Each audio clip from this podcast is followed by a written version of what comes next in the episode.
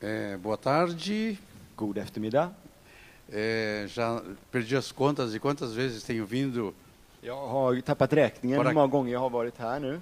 e aqui já começa a ser a nossa segunda casa. Det här har blivit ett, som ett andra hem för oss. E todos os anos venho encontrar os velhos amigos. Så varje år så kommer vi hit och träffar våra gamla vänner. Eh, a palavra de Deus Guds ord eh, podemos dividir em duas partes bem eh, simplificadas. kan vi dela upp i, eh, på ett väldigt enkelt sätt i två delar. Ela contém didaquê Det innehåller didake e querigma. och krygma. O que, que é, quer dizer essas duas palavrinhas gregas? Vad betyder de här två grekiska orden? É, o didaquê de Cristo Kristus didake eh, são mandamentos, är bud, instruções, instruktion. e nós encontramos didaquê no Novo Testamento e no Velho Det Testamento. finns didake i det nya testamentet och i det gamla testamentet. E é, o que é querigma? Och vad är krygma? Querigma é proclamação, Krygma, det är proklamation. é alguma coisa que leva à fé. Det är något som får oss till att tro. É, o didaquê leva à obediência Didake, det, är, eh, det kräver lydnad. e o querigma leva à fé. Och eh, krygma, det kräver tro. É, por exemplo, os dez mandamentos é didaquê. Till exempel de tio Guds bud, det är didake. E quando você fala que Cristo morreu, ressuscitou, Men när du säger att eh, Kristus dog och uppstod, é algo para você crer. så behöver du ju tro på det. O mandamento é para obedecer. Ett bud är för att vi ska lyda. E a, a vida cristã, Det kristna livet, a vida do discípulo, eh, en lärjungens liv, está baseada nessas duas coisas: baseras på de här två sakerna. fé e obediência. Tro och lydnad. É como se fosse um trilho do trem. Det är som att eh, det, det skulle vara ett tågräls. Eles têm dois, re- é, dois lugares onde o- as rodas do trem correm. Tågrälsen består av två stycken skenor. O trem não pode correr numa roda, s- um lado só. Hade det bara funnits en så fungerar det inte. O, o trem precisa estar nos dois trilhos. Utan tåget behöver vila på de här två skenorna. Assim é nós também. Och så är det med oss också. Nós temos que estar em fé Vi behöver gå i tro e obediência. och i lydnad. As duas coisas. Vi behöver både och. Então, hoje eu quero falar de um desses aspectos. Och idag vill jag tala om en av de här två aspekterna. Hoje eu quero falar de fé. Idag vill jag prata om tro. Eu quero falar a verdades que despertam a fé. Jag vill prata om sanningar som väcker upp vår tro. O, e o tema de hoje Och temat för idag é o que Deus tem preparado para aqueles que o amam. är vad Gud har berättat åt dem som älskar honom. E nosso versículo chave é Och vår nyckelvers är 1 Coríntios 2, 9. Första Korintierbrevet 2.9. E nesse, vamos abrir a palavra nesse livro. Så vi kan öppna då Första 1 Coríntios Korintierbrevet 2, 9. Första Korintierbrevet 2.9. E aqui diz: Och Här står det. Mas como está escrito, Men som skriften säger, nem olhos viram, vad ögat inte sett nem ouvidos ouviram, och örat inte hört nem jamais penetrou em coração humano och människans hjärta inte anat, o que Deus tem preparado para aqueles que o amam. det har Gud berättat åt dem som älskar honom. É, veja bem o que diz aqui: nem olhos viram, Så vad ögat inte sett, nem olhos do passado, inte ögon i, i dåtid, nem olhos atuais, inte vad ögon ser just nu é, nem ó, ninguém no futuro, och inte vad ögon ser i framtiden, nem ouvidos ouviram, vad öron inte hört é, nunca penetrou no coração do homem. och som eh, människans hjärta inte har anat. Quer dizer, o homem não é capaz de imaginar Det innebär att eh, hjärta, eh, människan har inte kapacitet att tänka sig de här o sakerna. que Deus tem preparado para aqueles que o amam. Det har Gud berättat åt dem som älskar honom. Ah, agora há pouco estava cheio de crianças aqui. Alldeles nyss var det fullt med barn här E essas crianças têm pais. och de här barnen, de har föräldrar.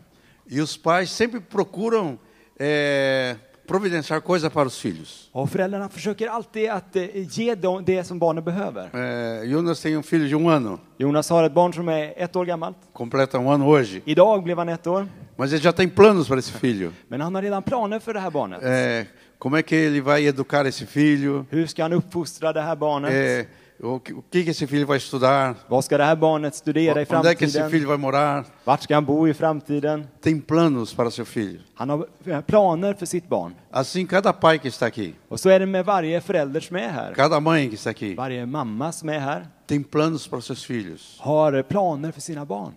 É, lá nos Estados Unidos, I USA é, o, o estudo é pago.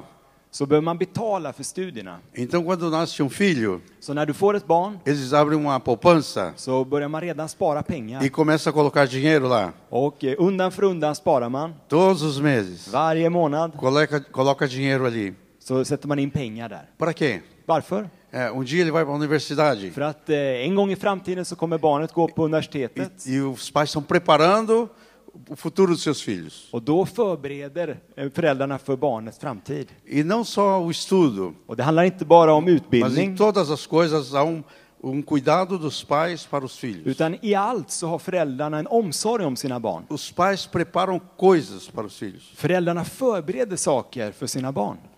Agora, se os pais preparam coisas para os filhos, Men om föräldrar, vi föräldrar för- förbereder saker åt våra barn. Deus é nosso pai. Gud är ju vår far.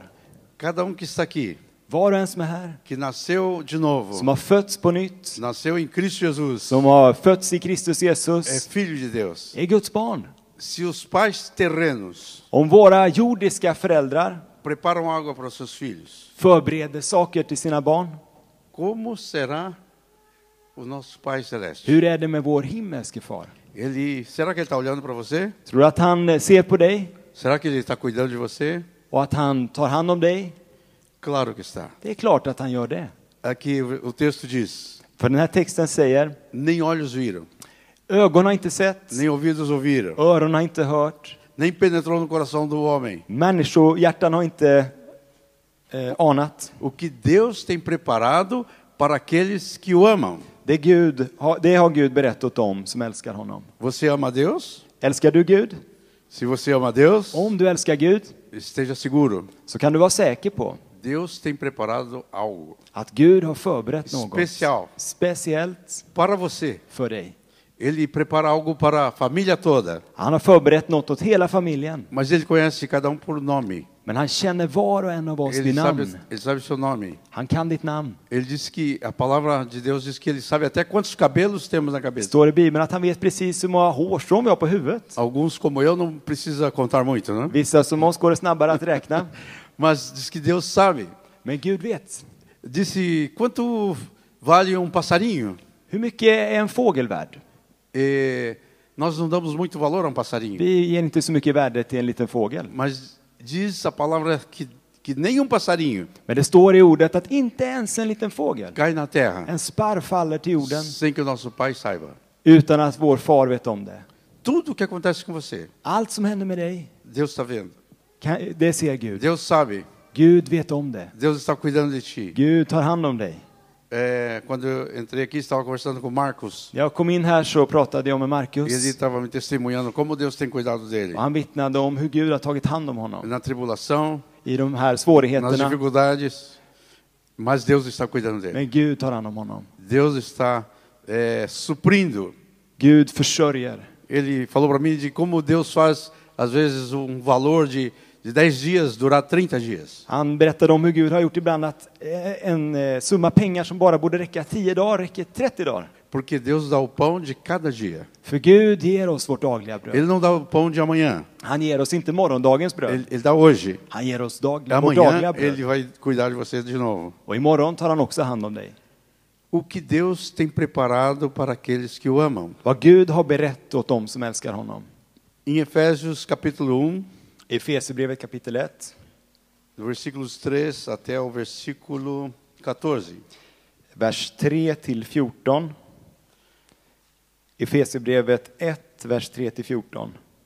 É, então nós vamos ler aqui alguma coisa que Deus tem preparado para nós. Här ska vi läsa något som Gud har förberett för oss. Efésios 1, de 3 ao 14. Eu vou pedir para o Jonas ler para mim. Efesierbrevet 1, 4-14. Välsignad är vår Herre Jesu Kristi Gud och Far, som i Kristus har välsignat oss med all andlig välsignelse i himlen. Han har utvalt oss i honom, före världens skapelse, till att vara heliga och fläckfria inför honom. I kärlek har han förutbestämt oss till barnaskap hos honom genom Jesus Kristus, efter sin goda viljas beslut, till ära och pris för den nåd som han har skänkt oss i den älskade. I honom är vi friköpta genom hans blod och har förlåtelse för våra synder genom den rika nåd som han lät fläda- flöda över oss med all vishet och insikt.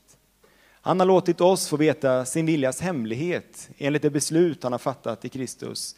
Den plan som skulle genomföras när tiden var inne, att sammanfatta allt i himlen och på jorden i Kristus. I honom har vi också fått vårt arv, förutbestämda till det av honom som utför allt efter sin viljas beslut, för att vi som först har satt vårt hopp till Kristus ska bli till hans ära och pris. I honom har också ni, när ni hörde sanningens ord, evangeliet om er frälsning. I honom har också ni, när ni kom till tro, fått den utlovade heliga ande som ett sigill. Anden är ett förskott som garanterar vårt arv, att hans eget folk ska befri- befrias till hans ära och pris. Aqui no versículo 3 disse que bendito Deus e Pai que nos tem abençoado com toda sorte de bênção espiritual nas regiões celestiais. Här står det i vers 3.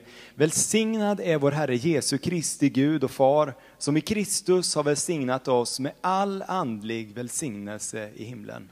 Toda sorte de bênção espi- espiritual em Cristo Jesus. All andlig välsignelse i himlen, i Kristus. O que, que Deus tem preparado para nós? Vad har Gud förberett för oss? Deus tem preparado para nós bênçãos. Han har förberett välsignelse för oss. E todas as bênçãos que vai chegar a nós, Och alla välsignelser som kommer till oss, vai chegar a nós através de Cristo Jesus. kommer till oss genom Jesus Kristus. Deus se propôs a mandar tudo através de Cristo Jesus. Gud har bestämt att allt ska komma genom Jesus. É, Deus determinou isso, Det är Gud som har bestämt detta. que é por meio dele, Att det är genom honom, é para ele eh, till honom e através dele och genom honom que tudo vai chegar para nós. som allt ska komma till oss. Por meio de Cristo. Genom Jesus Kristus. Bendito Deus e Pai de nosso Senhor Jesus Cristo, Välsignad är vår Herre Jesu Kristi Gud och Far, que nos abençoou. eh, som i Kristus har välsignat oss. E essa, o que Deus tem preparado para nós, Det här som Gud har förberett åt oss, tem em três aspectos, eu quero dizer. jag vill prata om tre aspekter av detta. É O aspecto passado, Det handlar om det som man har gjort i dåtid, o aspecto presente den, eh, nu, det som man gör i nutid e o aspecto futuro. och den framtida aspekten. As, algumas coisas que Deus preparou para nós Och något som Gud har förberett åt oss já aconteceu, har faktiskt redan hänt. já está feito. Det är redan gjort. Aqui chega a falar Här står det, que no versículo 4 que ele nos escolheu nele antes da fundação do mundo. Här står det i vers 4 att han har utvalt oss i honom före världens skapelse. Você sabe que Deus já estava planejando te abençoar antes da fundação do mundo? Kan du tänka dig det att innan världen skapades så förberedde Gud hur han skulle välsigna dig? Antes de fazer o sol, Innan han ens skapade solen, antes de fazer as estrelas, innan han skapade stjärnorna, antes de fazer o mundo, innan han skapade antes vä- de fazer a jorden, criação. innan skapelsen, Diz que Deus så står det att Gud nos escolheu u- eh, för, nu ska vi Antes. se, utvalde oss i honom antes da fundação do mundo. före världens skapelse. Então nós, queridos, já já começamos a ser abençoados na eternidade.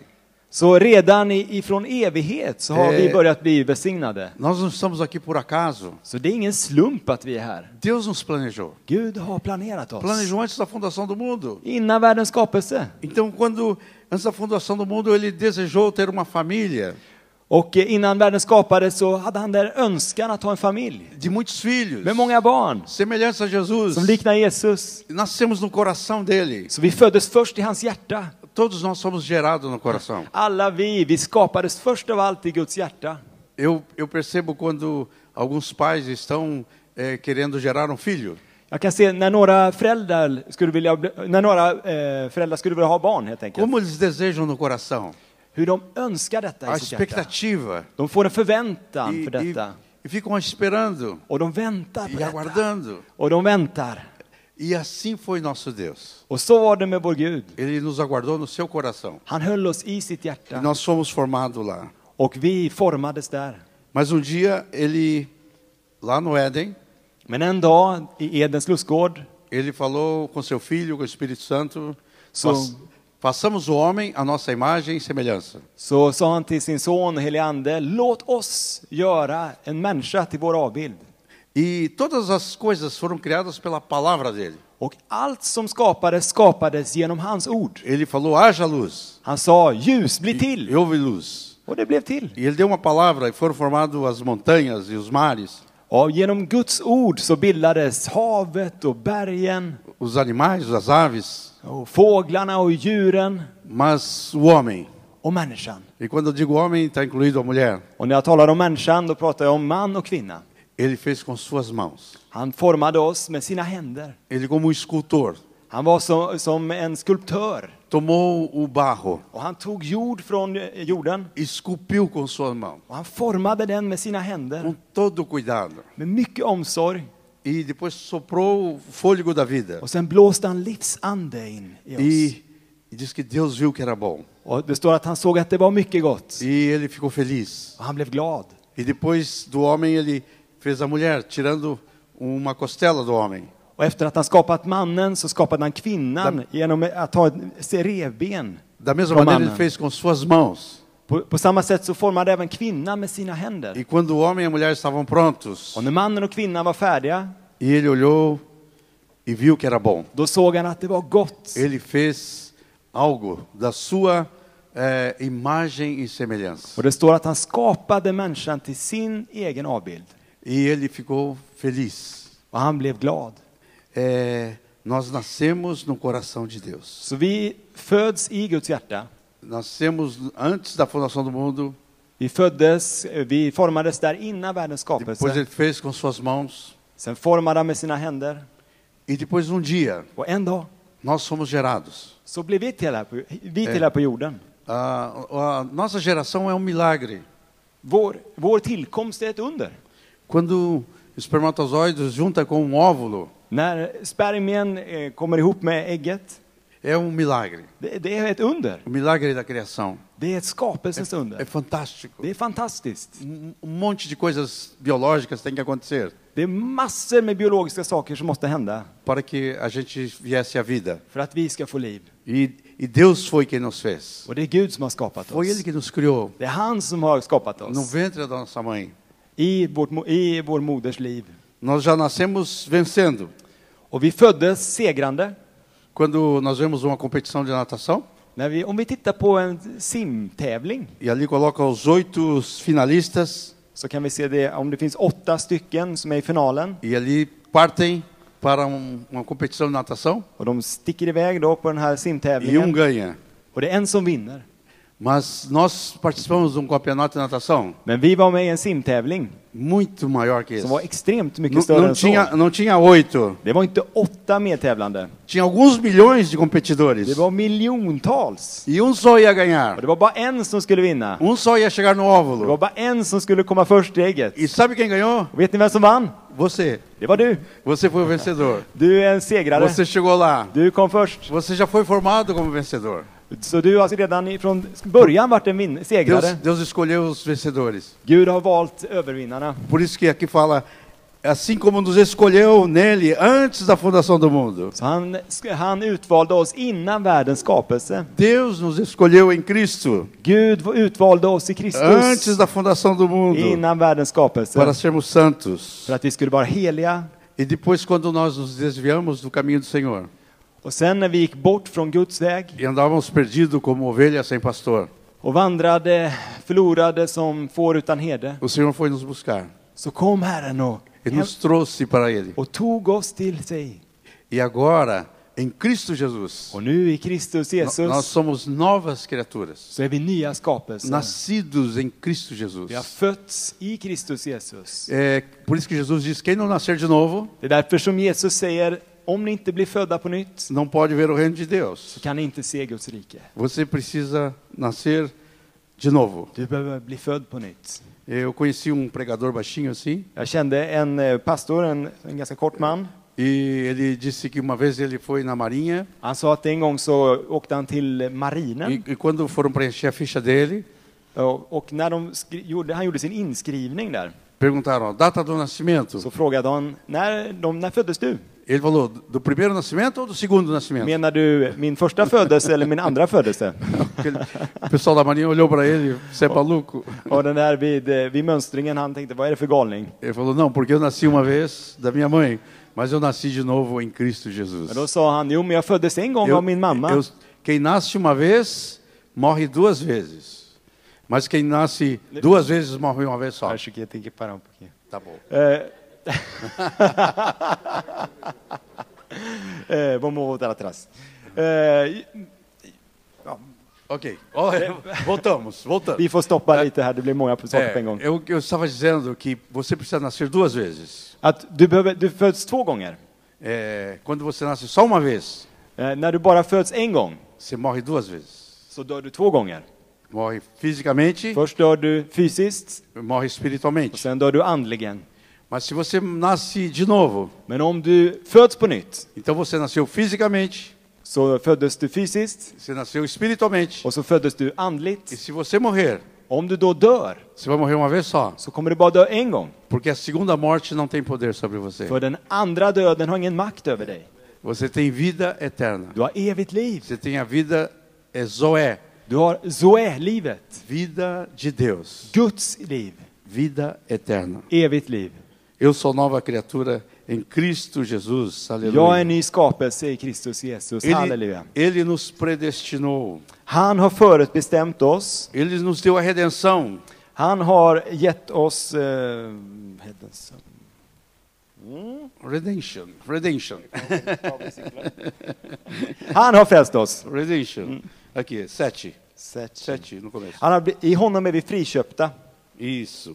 Temos a redenção. São coisas que nós já recebemos, que Deus planejou, mas que já recebemos. Det är sånt som vi redan har fått, som Ja, han har nos har bens- förberett, förberett men nos som har vi redan bens- har fått. Nos abençoou, Han välsignade nos oss, predestinou, han förutbestämde oss, nos deu a redenção, han, gav, han friköpte oss, derramou sua graça sobre nós han lät sin nåd flöda över oss e colocou o selo do Espírito Santo sobre nós. och han gav oss den heliga anden som ett É, sigill. versículo 14 diz: O qual é o penhor da nossa herança? Vers 14 står det att eh, det han, han garanterar vårt arv, A- até o resgate da sua propriedade. att hans eget folk ska befrias. Ah, esse penhor da nossa herança Den här förskottsbetalningen, É como uma marca sobre uma propriedade. det är som ett, skulle vara ett sigill på en, eh, på en ägodel. É, naquele tempo já, quando é, é, negociavam com madeiras, Eh, På den, förr i tiden så handlade man med, eh, med trä muitas vezes eles cortam a madeira e colocam dentro do rio. och många gånger så eh, högg man ner träd och sen så transporterade den- man det med, E, e aquela flo- med madeira floder. vai andar com a corrente da água. Och de här trä, trädstockarna då, de flöt med i flodvattnet. Mas como saber de quem é o proprietário daquela madeira? Men hur ska man veta vilken stock som tillhör vem? Então eles colocavam uma marca naquela madeira. Då satte de ett märke på varje stock. Assim como o gado tem uma marca do proprietário, Precis som boskap har ett märke som visar vem ägaren är. então as coisas que têm dono têm uma marca. Så saker som har en ägare har också ett märke. O carro tem uma placa. Bilen har ett märke. E nós temos um- uma marca em nós. Och, och i oss har vi ett märke. É, é o, o Espírito Santo. Det är den helige Ande. Quando nós nascemos de novo, När vi föds på nytt nós somos selados så får vi ett märke, ett com a sigill, marca do Espírito Santo. med den helige Andes sigill. Para quando os anjos vieram buscar, Så när änglarna kommer för att hämta oss eles sabem quem são os de Cristo, så vet de vilka som tillhör porque Kristus. tem uma marca. För att de har ett märke. É isso que quer dizer que temos o penhor da herança. Det är det som innebär att vi har ett förskott som garanterar vårt O, arv. versa, o versículo 14, o qual é o penhor da nossa herança até o resgate da sua propriedade. Att hans eget folk ska befrias. É, nós somos perdoados de todos os nossos pecados. Vi har blivit förlåtna alla våra synder. Em- não precisamos abrir, mas em Colossenses capítulo 2, Och i Kol- Kolosserbrevet kapitel 2 diz que ele rasgou todo o escrito de dívida que era contra nós. står det att han, att han strök ut det här skuldebrevet som vittnade mot oss. É, lá no Brasil, ah, agora já não é tanto, mas no passado era muito comum cheque predatado. Förr i tiden i Brasilien var det väldigt vanligt med såna här checkhäften. A pessoa fazia uma compra, Man köpte någonting e preenchia um cheque och så skrev man en check. para daqui 30 dias. För då kunde man betala först om 30 dagar. E mas algum gostava de fazer essa compra Eh, Vissa tyckte om att betala med checkar. e dava muitos cheques. Så de skrev många checkar. Então alguns tinham uma pilha de cheque Så vissa de hade en hel bunt med checkar. e essas cheques são dívidas. Och de här checkarna är skulder. É, e nós também, Och vi också. por causa do nosso pecado, På grund av vår synd nós tínhamos muitos cheques preenchidos. så hade vi många sådana här skuldcheckar. É dívidas. Det är skuldebrev. E quem era queria cobrar esses cheques Och den som vi hade skuld till era Satanás. var Satan. Ele queria nos acusar. Eller ja, han, han kom för att anklaga oss och, för de här skulderna. Você tem essa dívida, Du har en skuld. você tem que pagar, Du måste betala. você tem que morrer Du måste dö por causa do seu pecado. på grund av din synd. Mas a palavra de Deus Men Guds ord diz que Jesus säger att Jesus morreu em nosso lugar dog i vårt ställe. e foi rasgado todo o escrito de dívida que era contra nós. Och det här skuldebrevet som vittnade emot oss, det blev sönderrivet. Eu disse que não ia ler, mas eu acho que é importante ler. Jag, jag, sa att, jag tänkte att jag inte skulle läsa det, men jag tror vi öppnar upp ändå i Kolosserbrevet. Colossenses 2, Kolosserbrevet 2, versículos eh, 12 vers 12 ah, até o 15. till 15. och begravdes med honom i dopet. I dopet blev ni också uppväckta med honom genom tron på Guds kraft. Han som uppväckte honom från de döda. Ni var döda genom era överträdelser och er oomskurna natur. Men också er har han gjort levande med Kristus. Han har förlåtit oss alla överträdelser och utplånat skuldebrevet som vittnade mot oss med sina krav. Det tog han bort genom att spika fast det på korset. Han avväpnade härskarna och makterna och gjorde dem till allmänt åtlöje när han triumferade över dem på korset. Então aqui diz que nós estávamos mortos, Här står det att vi var döda, mas Ele nos deu vida. men han gjorde oss levande. E Ele perdoou todos os nossos pecados. Och han förlät oss alla våra överträdelser E o versículo 14 diz que, tendo cancelado todo escrito de dívida och eh, utplånade que era skuldebrevet. contra nós, então rasgou São todos vittnade mot oss. os cheques predatados. Så han rev sönder alla de här checkarna som vi hade. Cada dívida dessa podia nos levar à morte eterna, Varje skuldebrev som vi hade kunde leda till evig död. mas Cristo na cruz Men Kristus på korset, rasgou tudo o que devíamos. han tog bort allt detta. O fim do versículo 14 I slutet av vers 14 diz: removeu inteiramente, encravando na cruz. står det att han utplånade det genom att spika fast det på korset. Amados, nós não temos mais dívida com o Senhor. Älskade vänner, vi har ingen skuld gentemot Herren längre. Tudo pago. Allt är betalt. Tudo pago. Não tem mais acusação contra Allt nós. är betalt. Det finns ingen anklagelse mot oss längre. Nossa dívida foi paga. För vår skuld är betald. Nós estamos perdoados. Vi är förlåtna.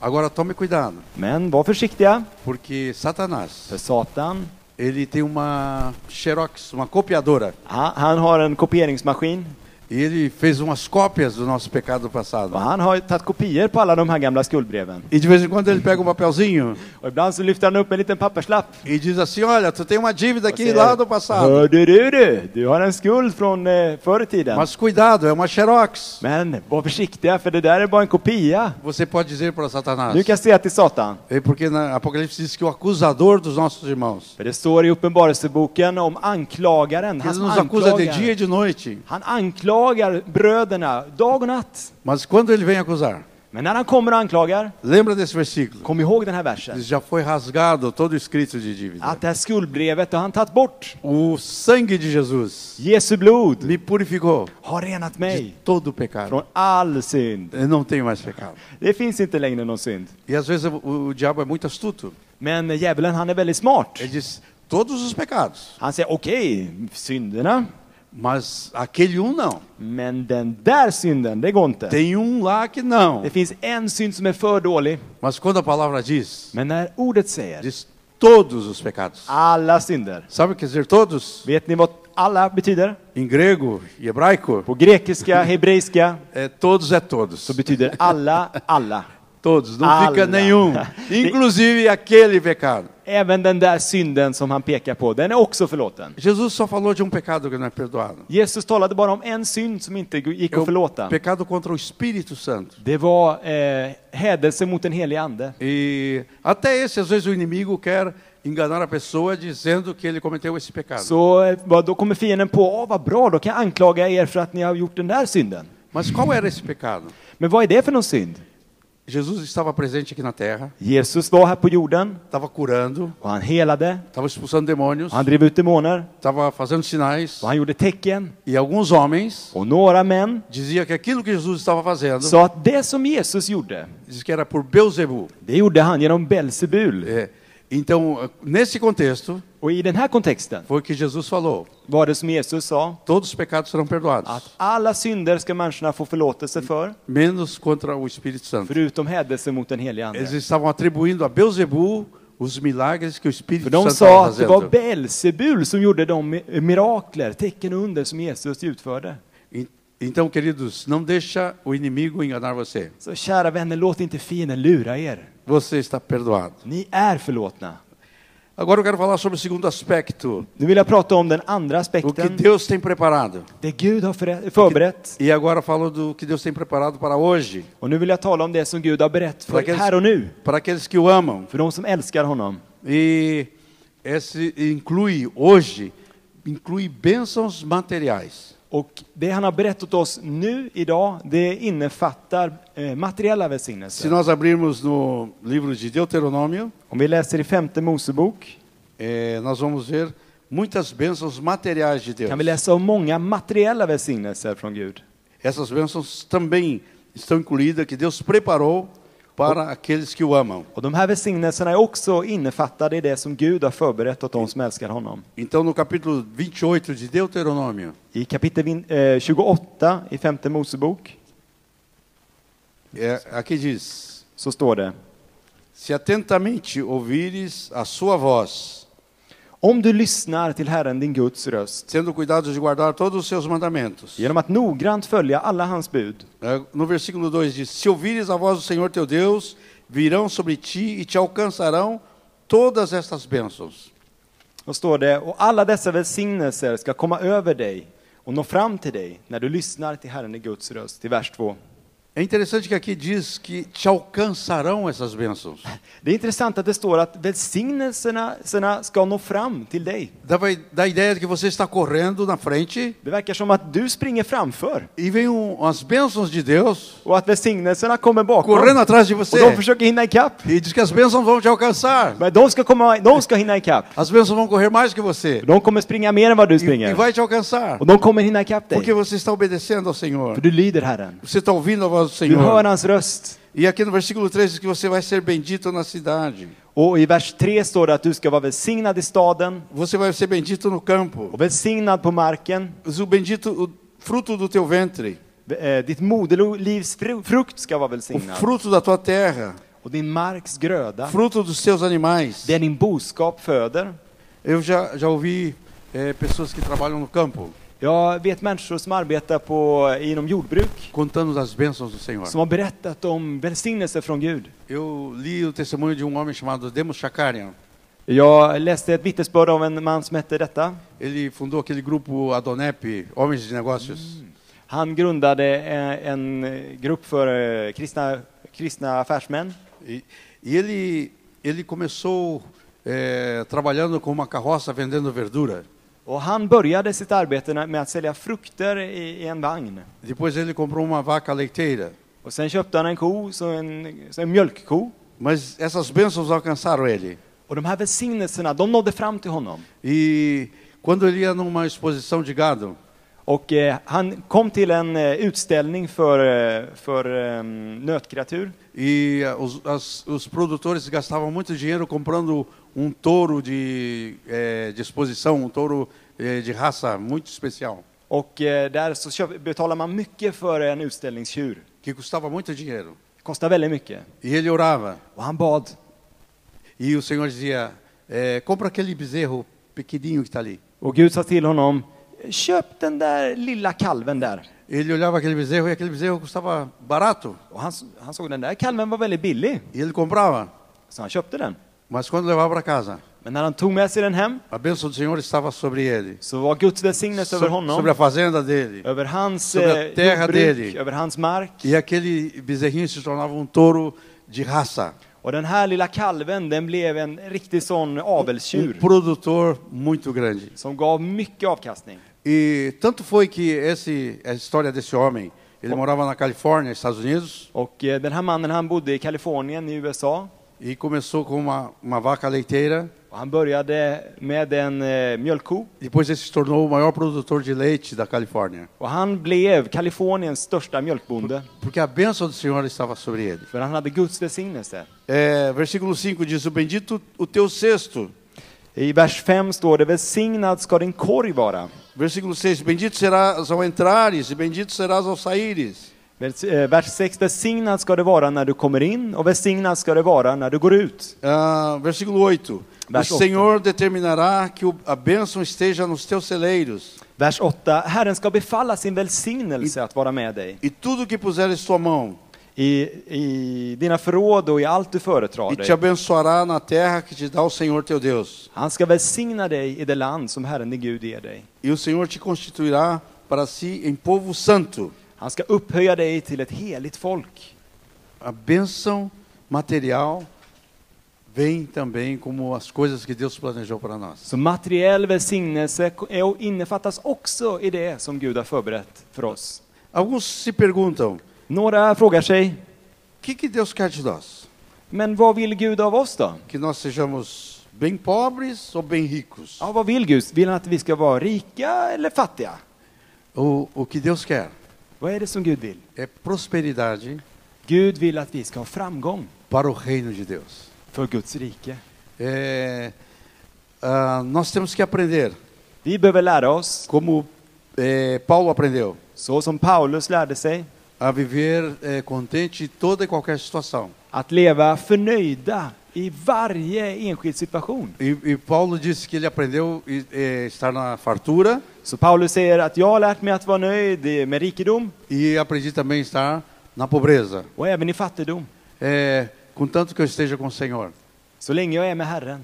Quando você está com o Senhor, När du är med Herren você está feliz. så är du glad. É, pode morar numa casinha bem Kanske simplesinha, bor i ett väldigt enkelt litet hus. mas se Jesus está ali, Men om Jesus är där ali é, um, é o céu, så är det é um himmelriket. palácio. Det är ett É. palats. Mas se você tiver que morar num lugar que tenha é, muitas coisas boas, Men om du eh, bor på en plats med mycket bra saker mas o importante é que Jesus esteja ali. så är det fortfarande viktigast att Jesus är där. Porque Jesus estando ali, För är Jesus där vai ser céu também. så kommer det vara himmelen på jorden. Esse, esse texto nós vemos em Filipenses. Och vi ser detta i Filipperbrevet, Filipenses capítulo 4. Filipperbrevet kapitel 4.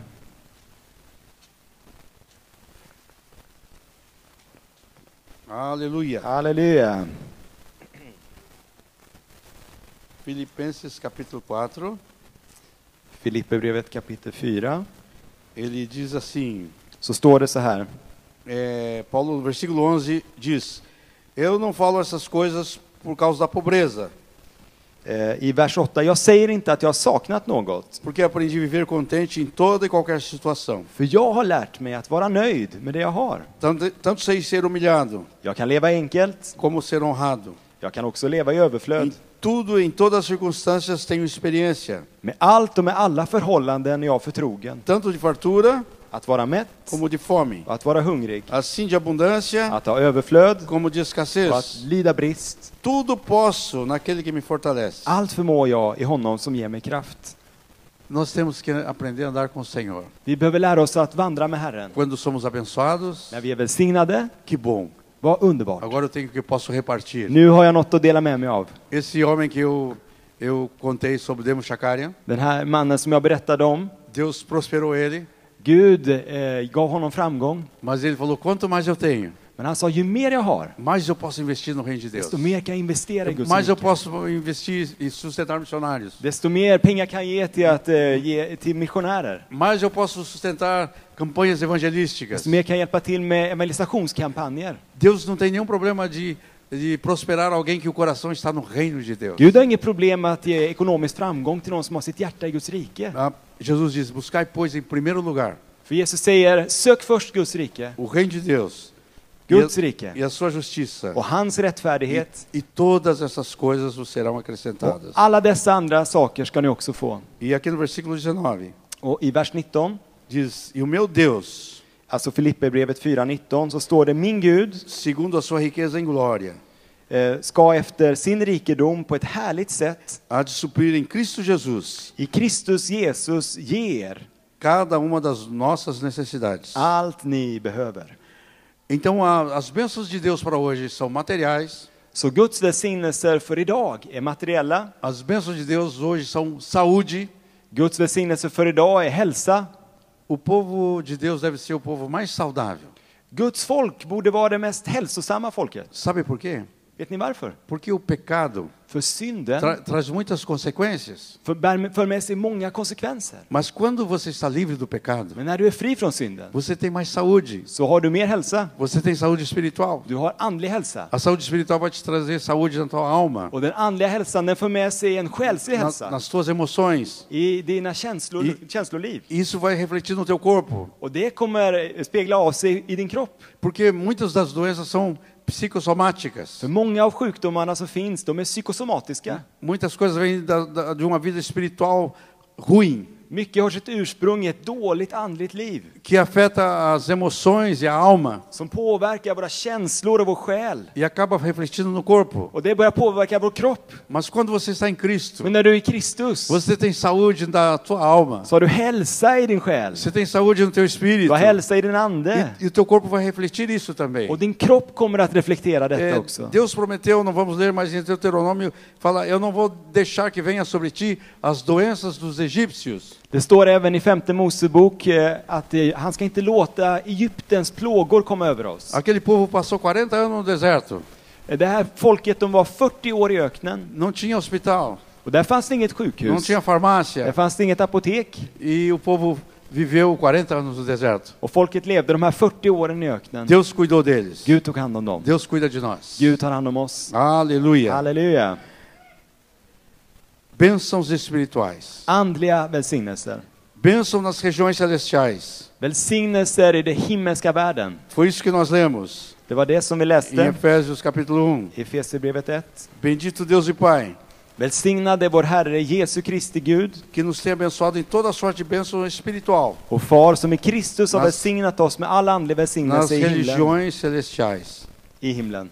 Nós temos que aprender a viver no nível espiritual. Vi behöver lära oss att leva i den andliga eh, dimensionen. Uma vez uma pessoa entrou no escritório de um homem Det var en gång en man som kom gick in på ett kontor e assim em cima da sua mesa tava, tinha uma plaquinha escrito Eu estou olhando para baixo. och det stod eh, eh, på väggen där att jag ser neråt. E alguém entrou e disse, mas essa placa är muito negativa. Och mannen han gick in på det här kontoret och han tänkte men det, vilken negativ Sauliano- sak som står på väggen. Você está olhando para baixo. Du ser ner. Ele falou, depende do ponto de vista de onde você está. Det beror på vilken utgångspunkt du har. É, ele, ele falou, eu estou sentado com Cristo nas regiões celestiais. För jag sitter med Kristus i den himmelska världen. E se eu estou sentado com Cristo nas regiões celestiais, Om jag sitter tillsammans med Kristus i den himmelska eu só världen posso olhar para baixo, så kan jag väl bara titta neråt. porque eu estou nas regiões För celestiais jag em är Cristo ju i den Jesus. himmelska världen. Você sabia que você Cristo. está nas regiões celestiais em Cristo Jesus? É, é, é, capítulo 1, versículo 20. Och i kapitel 1, 20, Efesierbrevet 1, 20. ehm, han har satt honom på sin högra sida i himlen. É, fazendo sentar nas, nas regiões, à direita, nas regiões celestiais. E o versículo 2, 6 diz: E juntamente com ele Och nos i, ressuscitou e nos fez assentar nos lugares celestiais em Cristo Jesus. och i kapitel 2, 6 står det, han har uppväckt oss med honom och satt oss med honom i den himmelska världen i Kristus Jesus. Nós morremos com Cristo. Så vi har dött med Kristus, Nós ressuscitamos com Cristo. vi har blivit uppväckta med E nós Kristus estamos sentados com Ele nas regiões celestiais. och nu sitter vi med honom i den himmelska världen. Quando andamos aqui na Terra, Så när vi går här på jorden nós temos que aprender que nós não podemos olhar só o natural. så behöver vi förstå att vi kan inte bara se på det naturliga. Nós temos que olhar o sobrenatural. Vi behöver vara medvetna om det, om det övernaturliga. Uma vez ah, vieram, veio um exército para prender Eliseu. Det kom en gång eh, en armé för att ta fast eh, El, eh, Elisa. E havia um exército eh, cercando a cidade onde estava Eliseu. Och eh, Elisa var då i en stad och det fanns då en, en, en armé runt omkring hela den här staden. E o seu eh, ajudante, o seu servo, só estava olhando a, a parte natural. Och eh, profeten Elisas tjänare, han såg bara det naturliga. E disse: Eliseu, Eliseu, Han sa Elisa, Elisa! olha, olha o exército, vai nos prender. Kolla det är ute med oss, den här armén är runt omkring Nós oss. vamos morrer. Nu dör vi! Aí o Eliseu disse: Hum, Men Elisa, han sa nej, nej, nej. você está olhando só o lado natural. Du ser ju bara på det naturliga. Você tem que olhar o lado espiritual. Du behöver se det andliga också. Senhor, abre os olhos dele. Han, sa- han bad, Herre öppna hans ögon. E quando o seu servo abriu os olhos, Och när tjänaren då öppnade sina havia ögon um exército muito maior. så såg han en enorm armé Carros de fogo, med, med vagnar av eld anjos, och änglar cercando aquele exército. som var runt omkring den här fiendearmén. Sempre vai ter um, um exército de anjos do nosso lado. Och det finns alltid en Nós- armé av änglar Nós på vår sida. precisamos, precisamos olhar com os olhos espirituais. Vi behöver se med andliga ögon. Ah, Eliseu fere eles de cegueira. Aquele exército ficou cego. Och då bad Elisa eh, att Gud, gör att den här armén, att de blir blinda. Eliseu conduziu aquele exército para dentro da cidade e eles foram dominados. Och de blev blinda och då tog han med sig dem in i eh, Nordrikets huvudstad Samaria. E depois Eliseu mandou que soltassem eles e mandassem de volta para o rei lá da onde tinha Men han enviado sa ele. att döda dem inte utan skicka tillbaks dem till deras, he- där de kom ifrån istället. Temos que olhar o lado espiritual. Vi behöver se det andliga. Outro dia estávamos voltando de no, no Brasil de um casamento que nós fomos. Häromdagen, eller för inte så länge sedan, så kom vi tillbaks till I samma- Brasilien, eller till vår eh, stad från ett bröllop Estávamos por aterrizar em Porto Alegre med flyg och vi skulle landa i Porto Alegre där vi bor. e nisso veio uma tempestade muito forte. Och eh, då kom det en stor storm Ficou tudo escuro. och det blev helt mörkt. Havia trovões, relâmpagos. Och det fanns blixtar och, och åska.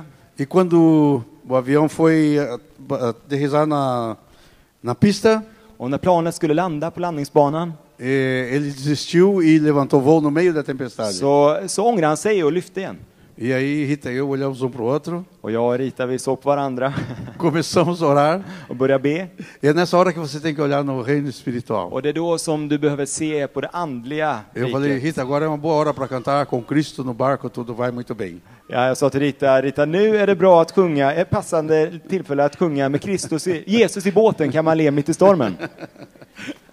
E ali ficamos ah, uns 30 minutos voando no meio da tempestade. Och ungefär en halvtimme flög vi omkring där mitt i stormen. E depois, ainda no meio, uma tempestade um pouco mais fraca, conseguimos pousar. Och sen blev stormen avtog något och då så pass mycket att det gick att landa. Nós temos que olhar para Cristo Jesus. Vi behöver se på Kristus Jesus. É, como Deus vai nos tirar dessa situação? Hur ska Gud ta mig ifrån den här Quando, situationen? quando você está numa situação difícil, När du befinner dig i en svår situation você tem que olhar para a parte espiritual. så behöver du se på den andliga dimensionen. Como Deus vai me tirar dessa? Hur ska Gud ta mig ur den här Se situationen você nu? está fazendo a vontade dele, Om du gör hans vilja ele vai te tirar. så kommer han ta dig ur den här situationen. E às vezes vai até usar um peixe grande para te tirar do, do mar Och ibland så kanske han skickar en stor fisk för att ta upp dig ur, ur havet. e vai te deixar lá em Nínive para fazer a vontade de Deus. För att du ska gå till Nineve och göra det som han har tänkt.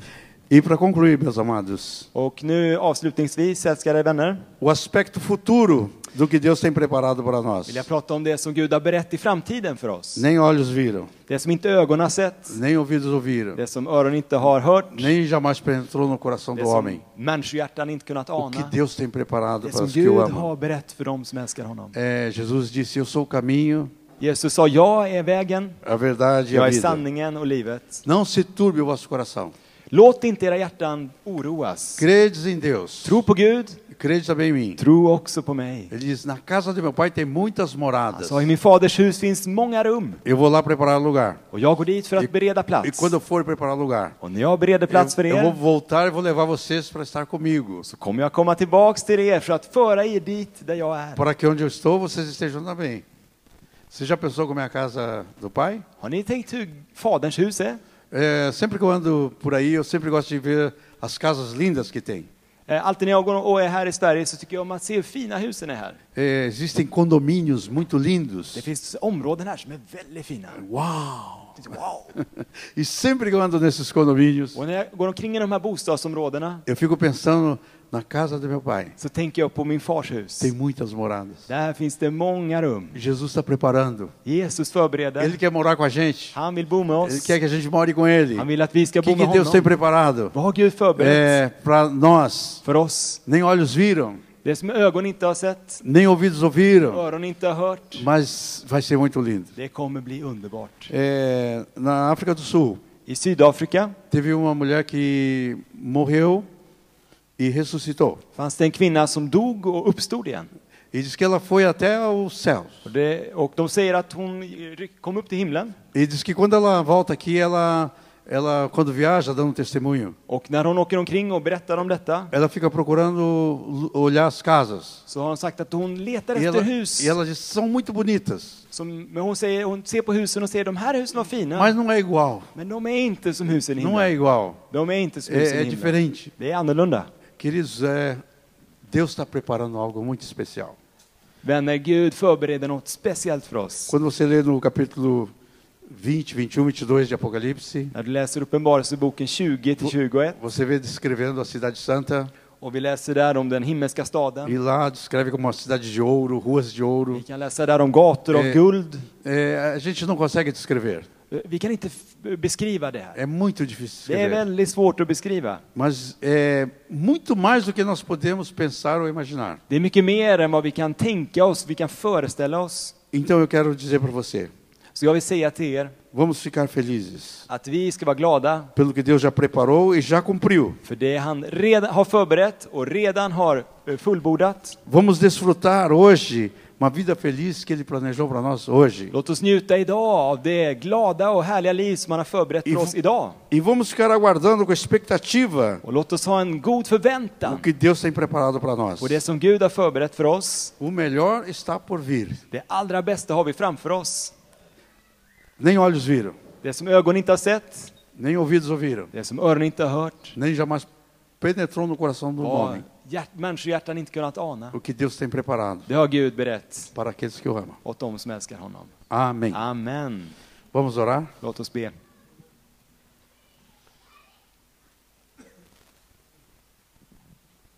Querido Pai, Käre far, obrigado, tack porque em Cristo Jesus för det Kristus Jesus o Senhor preparou algo para nós. har Herren förberett något för oss. Algo que já estamos desfrutando. Något som vi redan nu njuter av. Todas as coisas que já temos recebido, Allt det goda som vi har tagit emot. todas as coisas que recebemos dia a dia. Allt som vi tar emot dag för dag. E obrigado pelas coisas que o Senhor está preparando. Och tack för det som du har förberett. Coisas que ainda hão de vir. Sånt som vi fortfarande väntar på. Obrigado, Pai. Tack far.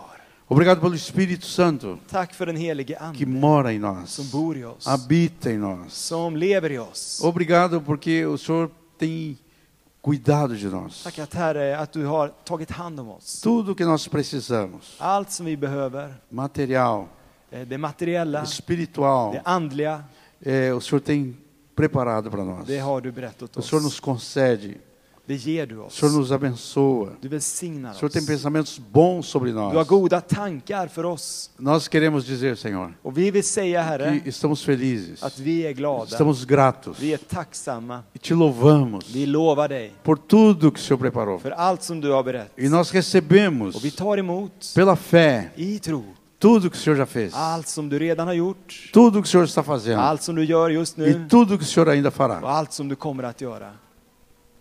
Louvado seja o nome do Pai. Lovat vare Faderns namn. Louvado seja o nome do Filho, Lovat Jesus. vare Sonen Jesus namn. Louvado seja o Espírito Santo. Lovad vare den helige Ande. Amém. Amen. Amém.